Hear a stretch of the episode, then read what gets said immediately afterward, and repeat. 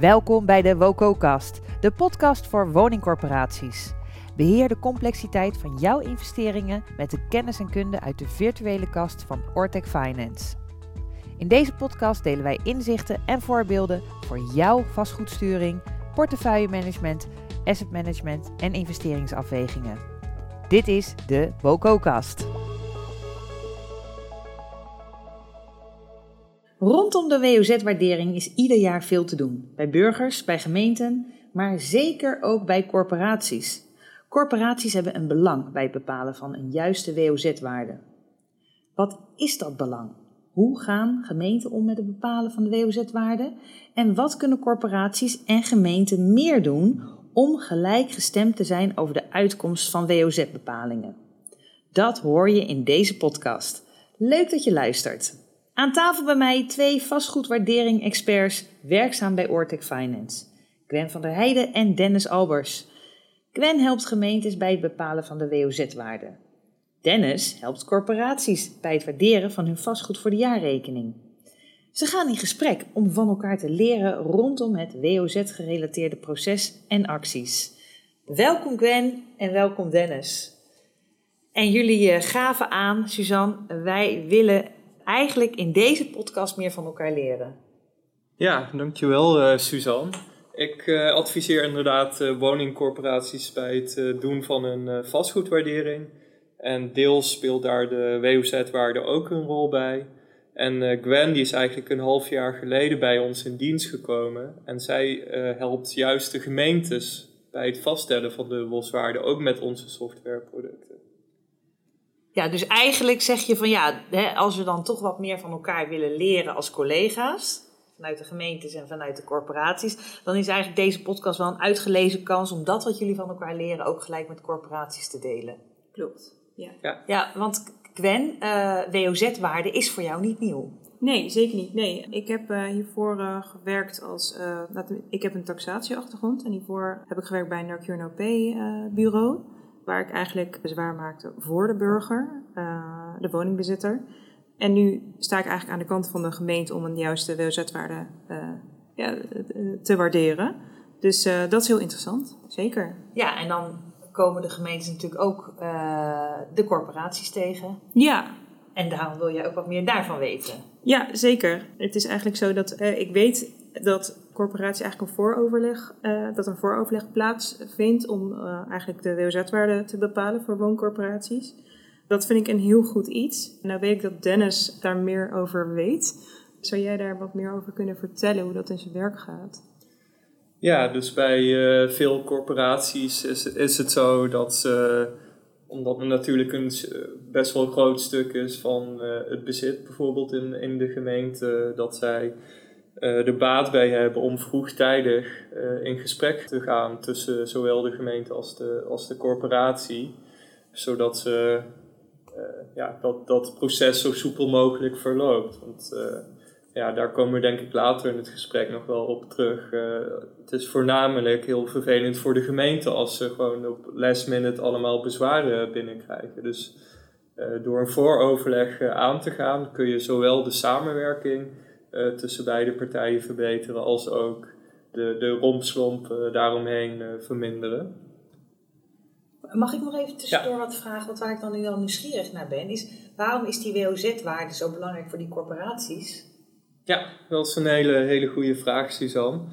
Uh, dus uh, de WOS-waarde die is eigenlijk uh, heel belangrijk voor corporaties. Dat heeft verschillende facetten. Enerzijds raakt het gewoon de directe operationele kaststroom, dus het geld wat uh, betaald wordt uh, door de corporatie.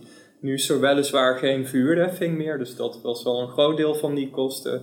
Maar is natuurlijk nog wel de OZB, dus de onroerende zaakbelasting. En dat is uh, ja, zo'n zo'n 200 euro per eenheid van een corporatie. Dus als een corporatie zo'n 5000 eenheden heeft, dan is hmm. dat toch best wel een significant bedrag. Ja. Um, ja, en daarnaast hebben, heeft uh, de WOS-waarde ook invloed op uh, de waarderingsgrondslag. Dus zowel aan de markt- als de beleidswaardekant heeft dat gewoon zijn invloed in de berekening voor hoe die waarde tot stand komt. En tenslotte uh, ook voor de bepaling van de WWS-punten, wat weer de onderbouwer is van de maximale huur. Dus de huur die Ah, de corporatie kan vragen. Helder, helder. Ik was er even nieuwsgierig naar. Ja. Ja, dus eh, ik ben ook benieuwd eh, naar hoe Gwen het nu ervaart, eh, de, de eerste ervaringen bij ons. En hoe, hoe zie je nou dat de gemeente nou echt aan de slag gaat om die boswaarde te bepalen? Hoe komt die tot stand? Nou, komt tot stand doordat de gemeente eigenlijk kijkt naar de primaire en secundaire objectkenmerken van een object. Dus ja, wat wordt er nou eigenlijk bedoeld met primair en secundair? Nou, primair, eigenlijk de basis, hè, het gebruiksoppervlak, het perceel, het bouwjaar van de woning. Ehm, en met secundaire objectkenmerken wordt eigenlijk alles wat een, waar een oordeel aan vastzit. Dus laten we, ja, dat is een ligging, eh doelmatigheid, voorzieningen, de kwaliteit en het onderhoud. Uh, ja, in vastgoedwereld wordt dat ook wel koud vee genoemd. Um, Sorry, hoe wordt dat genoemd? Koud vee. Koud vee. Ja, okay. dus kwaliteit, onderhoud. Oh. Dus hè, dat, dat heeft allemaal uh, ja. zijn afkorting. Ja. En um, nou ja, daar wordt naar gekeken en ook gecontroleerd uh, door de gemeente. Als het goed is, hè, dat moet goed worden gecontroleerd. En bij de bepaling van de WOZ-waarde wordt aangekeken naar uh, wat is er in de nabije omgeving of directe omgeving van de woning verkocht om en nabij pijldatum. En uh, dan mag je één jaar naar voren en één jaar naar achter. Dus als je een pijldatum hebt van 1-1-2022, dan mag je één jaar daarvoor dus drie referenties meenemen of drie jaar daarna. Over het algemeen zijn het dus drie referenties. De, uh, aan de hand van deze primaire en secundaire objectenmerken en deze referenties wordt een WOZ-waarde bepaald. Dat is wel uh, interessant dat je dat zegt, want eigenlijk die primaire kenmerken, ja, die, die kennen we eigenlijk ook, maar onder de naam objectgegevens vanuit uh, de woningcorporaties. En dat is eigenlijk ook het fundament waarop bijvoorbeeld zij hun, hun waardering maken. Dus daar is gewoon ook uh, dat, dat soort kenmerken, zoals inderdaad oppervlakte, bouwjaren, woningtyperingen, al dat soort kenmerken zijn gewoon belangrijk. Uh, ja, en daar speelt natuurlijk ook dat vraagstuk uh, datakwaliteit heel erg hoe, uh, waar corporaties de afgelopen jaren grote slagen en hebben gemaakt, ook omdat ze dat ja, nodig hebben, die gegevens voor die waardering. En die secundaire kenmerken die je noemt, dat is denk ik wat minder gebruikelijk of minder bekende materie voor woningcorporaties. Dus daar ben ik eigenlijk nog wel benieuwd naar. Ja, hoe, hoe hoe stel je nou een wat subjectiever kenmerk van een woning vast, zoals bijvoorbeeld de kwaliteit of de, of de ligging? Uh, zijn daar nou voorschriften voor of is dat bijvoorbeeld naar inzicht van de, van de taxateur? Uh, goeie vraag. Uh, daar is, dat is soms lastig. Wat de gemeente doet, ehm, niet alle gemeenten, maar je kan een voorlichtingformulier sturen. Dat betekent dat de gemeente al contact zoekt met de burger om te kijken wat zijn de secundaire objectkenmerken, wat is de kwaliteit van de keuken, de kwaliteit van de badkamer. Klopt het uh, GO nog wel? Nou, dat zijn de première objectkenmerken. Eigenlijk door middel van een formulier wat de burger in kan vullen, kan de gemeente eigenlijk al de objectkenmerken controleren, secundaire objectkenmerken. Dat gebeurt niet altijd. Uh, helaas gebeurt het pas vaker als iemand al bezwaar heeft gemaakt. En dan komen de objectkenmerken uh, komen dan aan bod. Die worden dan duidelijk en is het, oh, dan, wordt dan kan het pas gecontroleerd worden. Dus ja, daar wordt veel over geschreven natuurlijk. Maar ja, dat is lastig om te bepalen. En uiteindelijk weet de, de burger weet het natuurlijk ook meestal het beste. Ja. Ja, dus die, die bal wordt wel uh, heel erg ook bij de burger neergelegd om daar gewoon de informatie op te halen die, die ze nodig hebben. In principe wel, ja. Me, wel wat uh, je kan voor eigenlijk de beschikking kan je dat al kan je voorlichting of inlichtingformulier sturen naar de burger, waar zij kunnen invullen wat eigenlijk de staat van de woning is. Of ja, gaat dat pas gebeuren nadat belanghebbende, uh, de woningbezitter bezwaar heeft gemaakt. Waaruit blijkt dat die objectkenmerken dus niet kloppen. Ofwel, dat kan ook. Ja. Ja, dat is denk ik ook nog wel interessant aan de, aan de. Zij administreren eigenlijk gewoon hun hele bezit in een primaire systeem. Dus daar houden ze gewoon de hele registratie van hun bezit en ook van alle lopende contracten met huurders en dat soort informatie bij. Maar er zijn natuurlijk ook uniforme standaarden die zowel voor de gemeentes als voor woningcorporaties gelden, zoals het inmeten van de oppervlaktes. Uh, nu is dat natuurlijk volgens de norm NEN 2580. Dat uh, moeten eigenlijk alle corporaties voor het eind van het jaar geregeld hebben. Maar dat is ook iets, eigenlijk de exacte oppervlakte die geldt voor gemeentes, als ook voor bezit dat verkocht wordt. Dus je mag ook geen woning meer verkopen dat niet is ingemeten volgens die norm. Dus uh, ik denk dat dat ook uh, iets waardevols is waar gemeentes en corporaties in zouden kunnen samenwerken.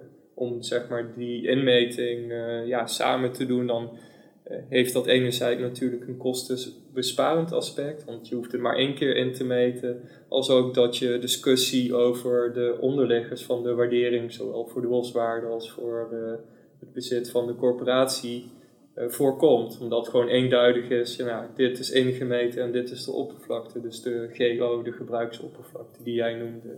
Ja, ja eens. Nou weet ik inmiddels ook dat wanneer een woning wordt verkocht, dus een object gaat, uh, een belanghebbende gaat bezwaar maken, maar object is verkocht, dat uh, als je het inderdaad verkoopt, ben je, moet eigenlijk nu een gecertificeerde organisatie, uh, gaat die NEN 2580 uitvoeren, waardoor dus eigenlijk hè, je, je gebruiksoppervlak, perceeloppervlak wordt opgemeten.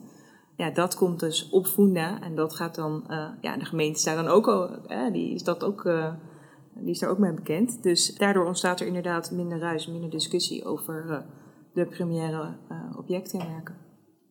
Ja, dat is mooi. Dus ik denk, ja, dan raken we al een beetje aan die, die voordelen die het heeft om vroegtijdig gewoon in vooroverleg te gaan met de gemeente. Dus dan heeft de gemeente gewoon veel meer flexibiliteit om die waarde nog uh, aan te passen, zonder dat dat echt heel veel tijd en, en kosten met zich uh, meebrengt.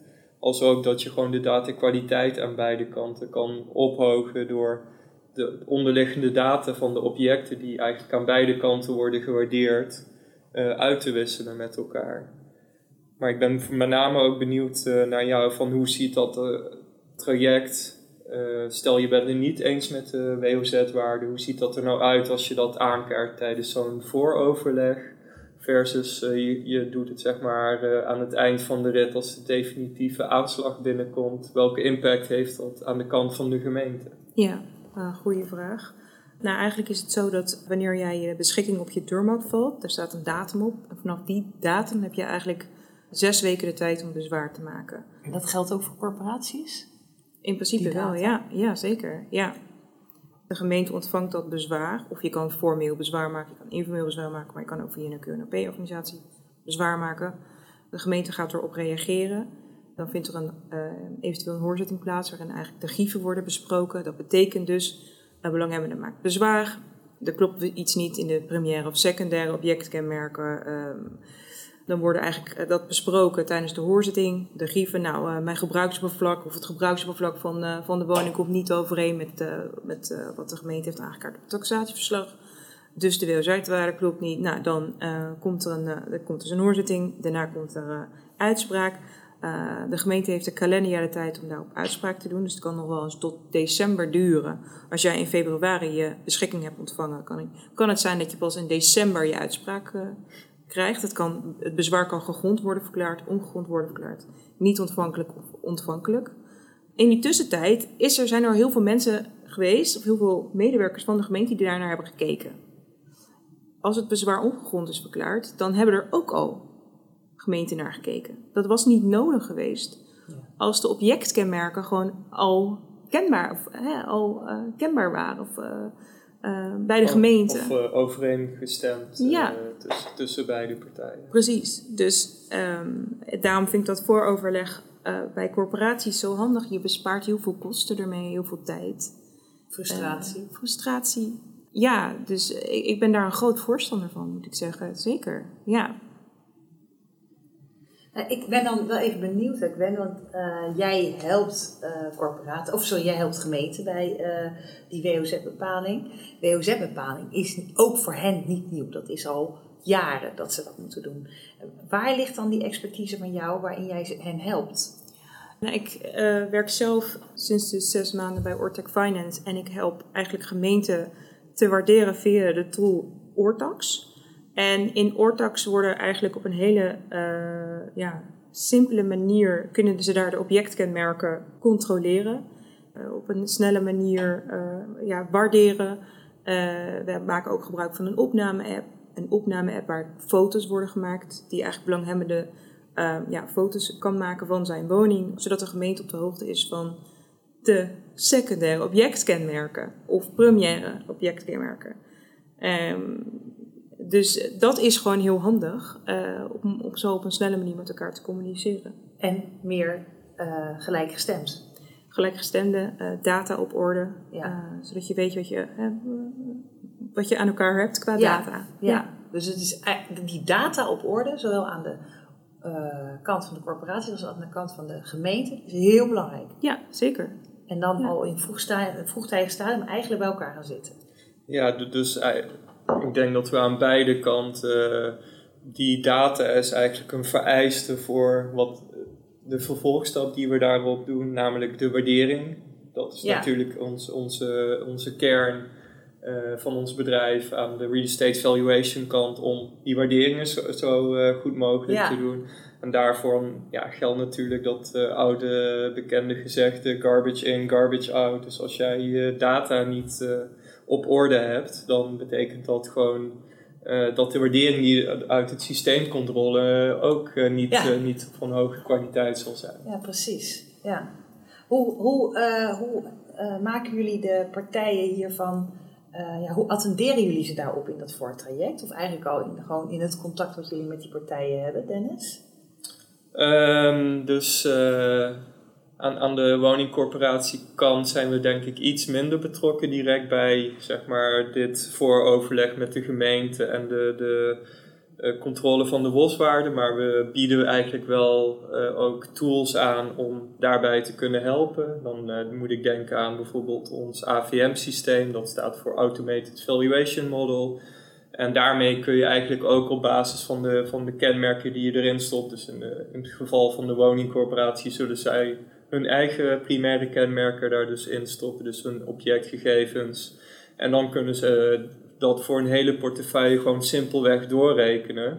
En dan komt daar een waarde uitrollen, maar ook bijvoorbeeld de referentietransacties uh, uh, waarop die waarde is gebaseerd. Dus dan komt er eigenlijk een soort gelijke waardering uit als ook aan de, ja, aan de gemeentekant uitkomt. Maar dan uh, wat, wat beknopter op, op die secundaire kenmerken, omdat die best wel lastig in te schatten zijn. Ja, en, en, uh, en jij, eh, Gwen? Hoe attendeer jij de gemeentes hierop? Hoe belangrijk dat is om dat voorgesprek, in een vroegtijdig stadium dat gesprek te hebben? Um, nou, eigenlijk niet. Zij zijn daar zelf verantwoordelijk voor. Uh, wij kunnen ze alleen dienen. Dus we kunnen ze wel. Ja. Onze tooling is wel ingericht om dat te kunnen doen dus een inlichtingformulier te sturen. Maar ook uh, bieden wij ja, uh, de opname-app aan wanneer iemand dus uh, een belanghebbende bezwaar heeft gemaakt. Dat betekent dat zij, ja, ze kunnen die app dan gebruiken om objectkenmerken te controleren, maar achteraf. Ja, dus, ja. Maar het kan ook vooraf meer wat de gemeente aangeeft, om ja, de voorkeur aangeeft. Um, en dan is het ook wel zo dat de gemeente kan het wel vragen bij de burger, maar het kan ook zijn dat er geen reactie op komt. En dat achteraf uh, toch blijkt dat die belanghebbende dan bezwaar maakt, terwijl er wel communicatie is geweest vanuit ja. de gemeente. Dat, dat maakt het dan wel lastig. Ja, ik heb ook nog wel eens gehoord dat er een AVG-dingetje zit rondom die foto's. Daar weet ik het fijne niet van af. Uh, wij slaan ze alleen niet op. Wij, wij doen daar niets mee, zeg maar. Nee. Dus uh, nee, dat ligt echt bij ons, bij de gemeente. Ja, precies. Ja. Ja. Wij helpen alleen waarderen op een uh, snelle, correcte, duidelijke, transparante manier. Ja. En hoe is dat om dat zo even een kijkje in elkaars keuken te krijgen? Ja, ik vond het uh, heel interessant. Uh, dank voor de aanvullende uitleg, Gwen. Ja, jij ook, Dennis. Zijn er nog vragen aan elkaar? Nee, ik denk dat we, dat we wel een geschikt beeld zo hebben gekregen van elkaars ja, dagelijkse praktijk waar we mee bezig zijn en hoe dat uh, ja, aan elkaar is gerelateerd. Ja, zeker. Ik ben het je eens. Dankjewel. Ja, nou, ik haal er een conclusie uit. Uh, of het nou gemeentekant of de corporatiekant, zorg dat de data op, uh, op orde is en gaan met elkaar vroegtijdig in gesprek. Ja. Toch? Dat ja. haal ik hieruit. Ja. Dat ja. is wel de kern van de boodschap, denk ik. Ja, hè? Ja, nou leuk om het een keer op deze manier ook te doen. Zo'n podcast uh, waarin jullie elkaar wat vertellen. En uh, nou, ik ben ja, een half jaar nu werkzaam bij Ortec Finance. Ja. Ik wens je een hele leuke uh, carrière. Met ja, dankjewel. in ieder geval collega's die jou van alles willen vertellen. Ja, zoals Dennis. dankjewel. ja. Goede onboarding dit, Dennis. ja, dat moeten we vaker doen. Dat moeten we vaker doen, ik zal het voorstellen. dankjewel.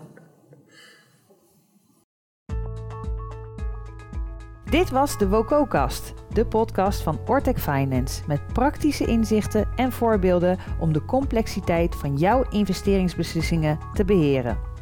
Wil je reageren op deze podcast? Heb je er een vraag over? Of heb je een suggestie voor een podcastonderwerp? Laat het ons weten via contact@ortecfinance.com. Dankjewel voor het luisteren en tot de volgende keer.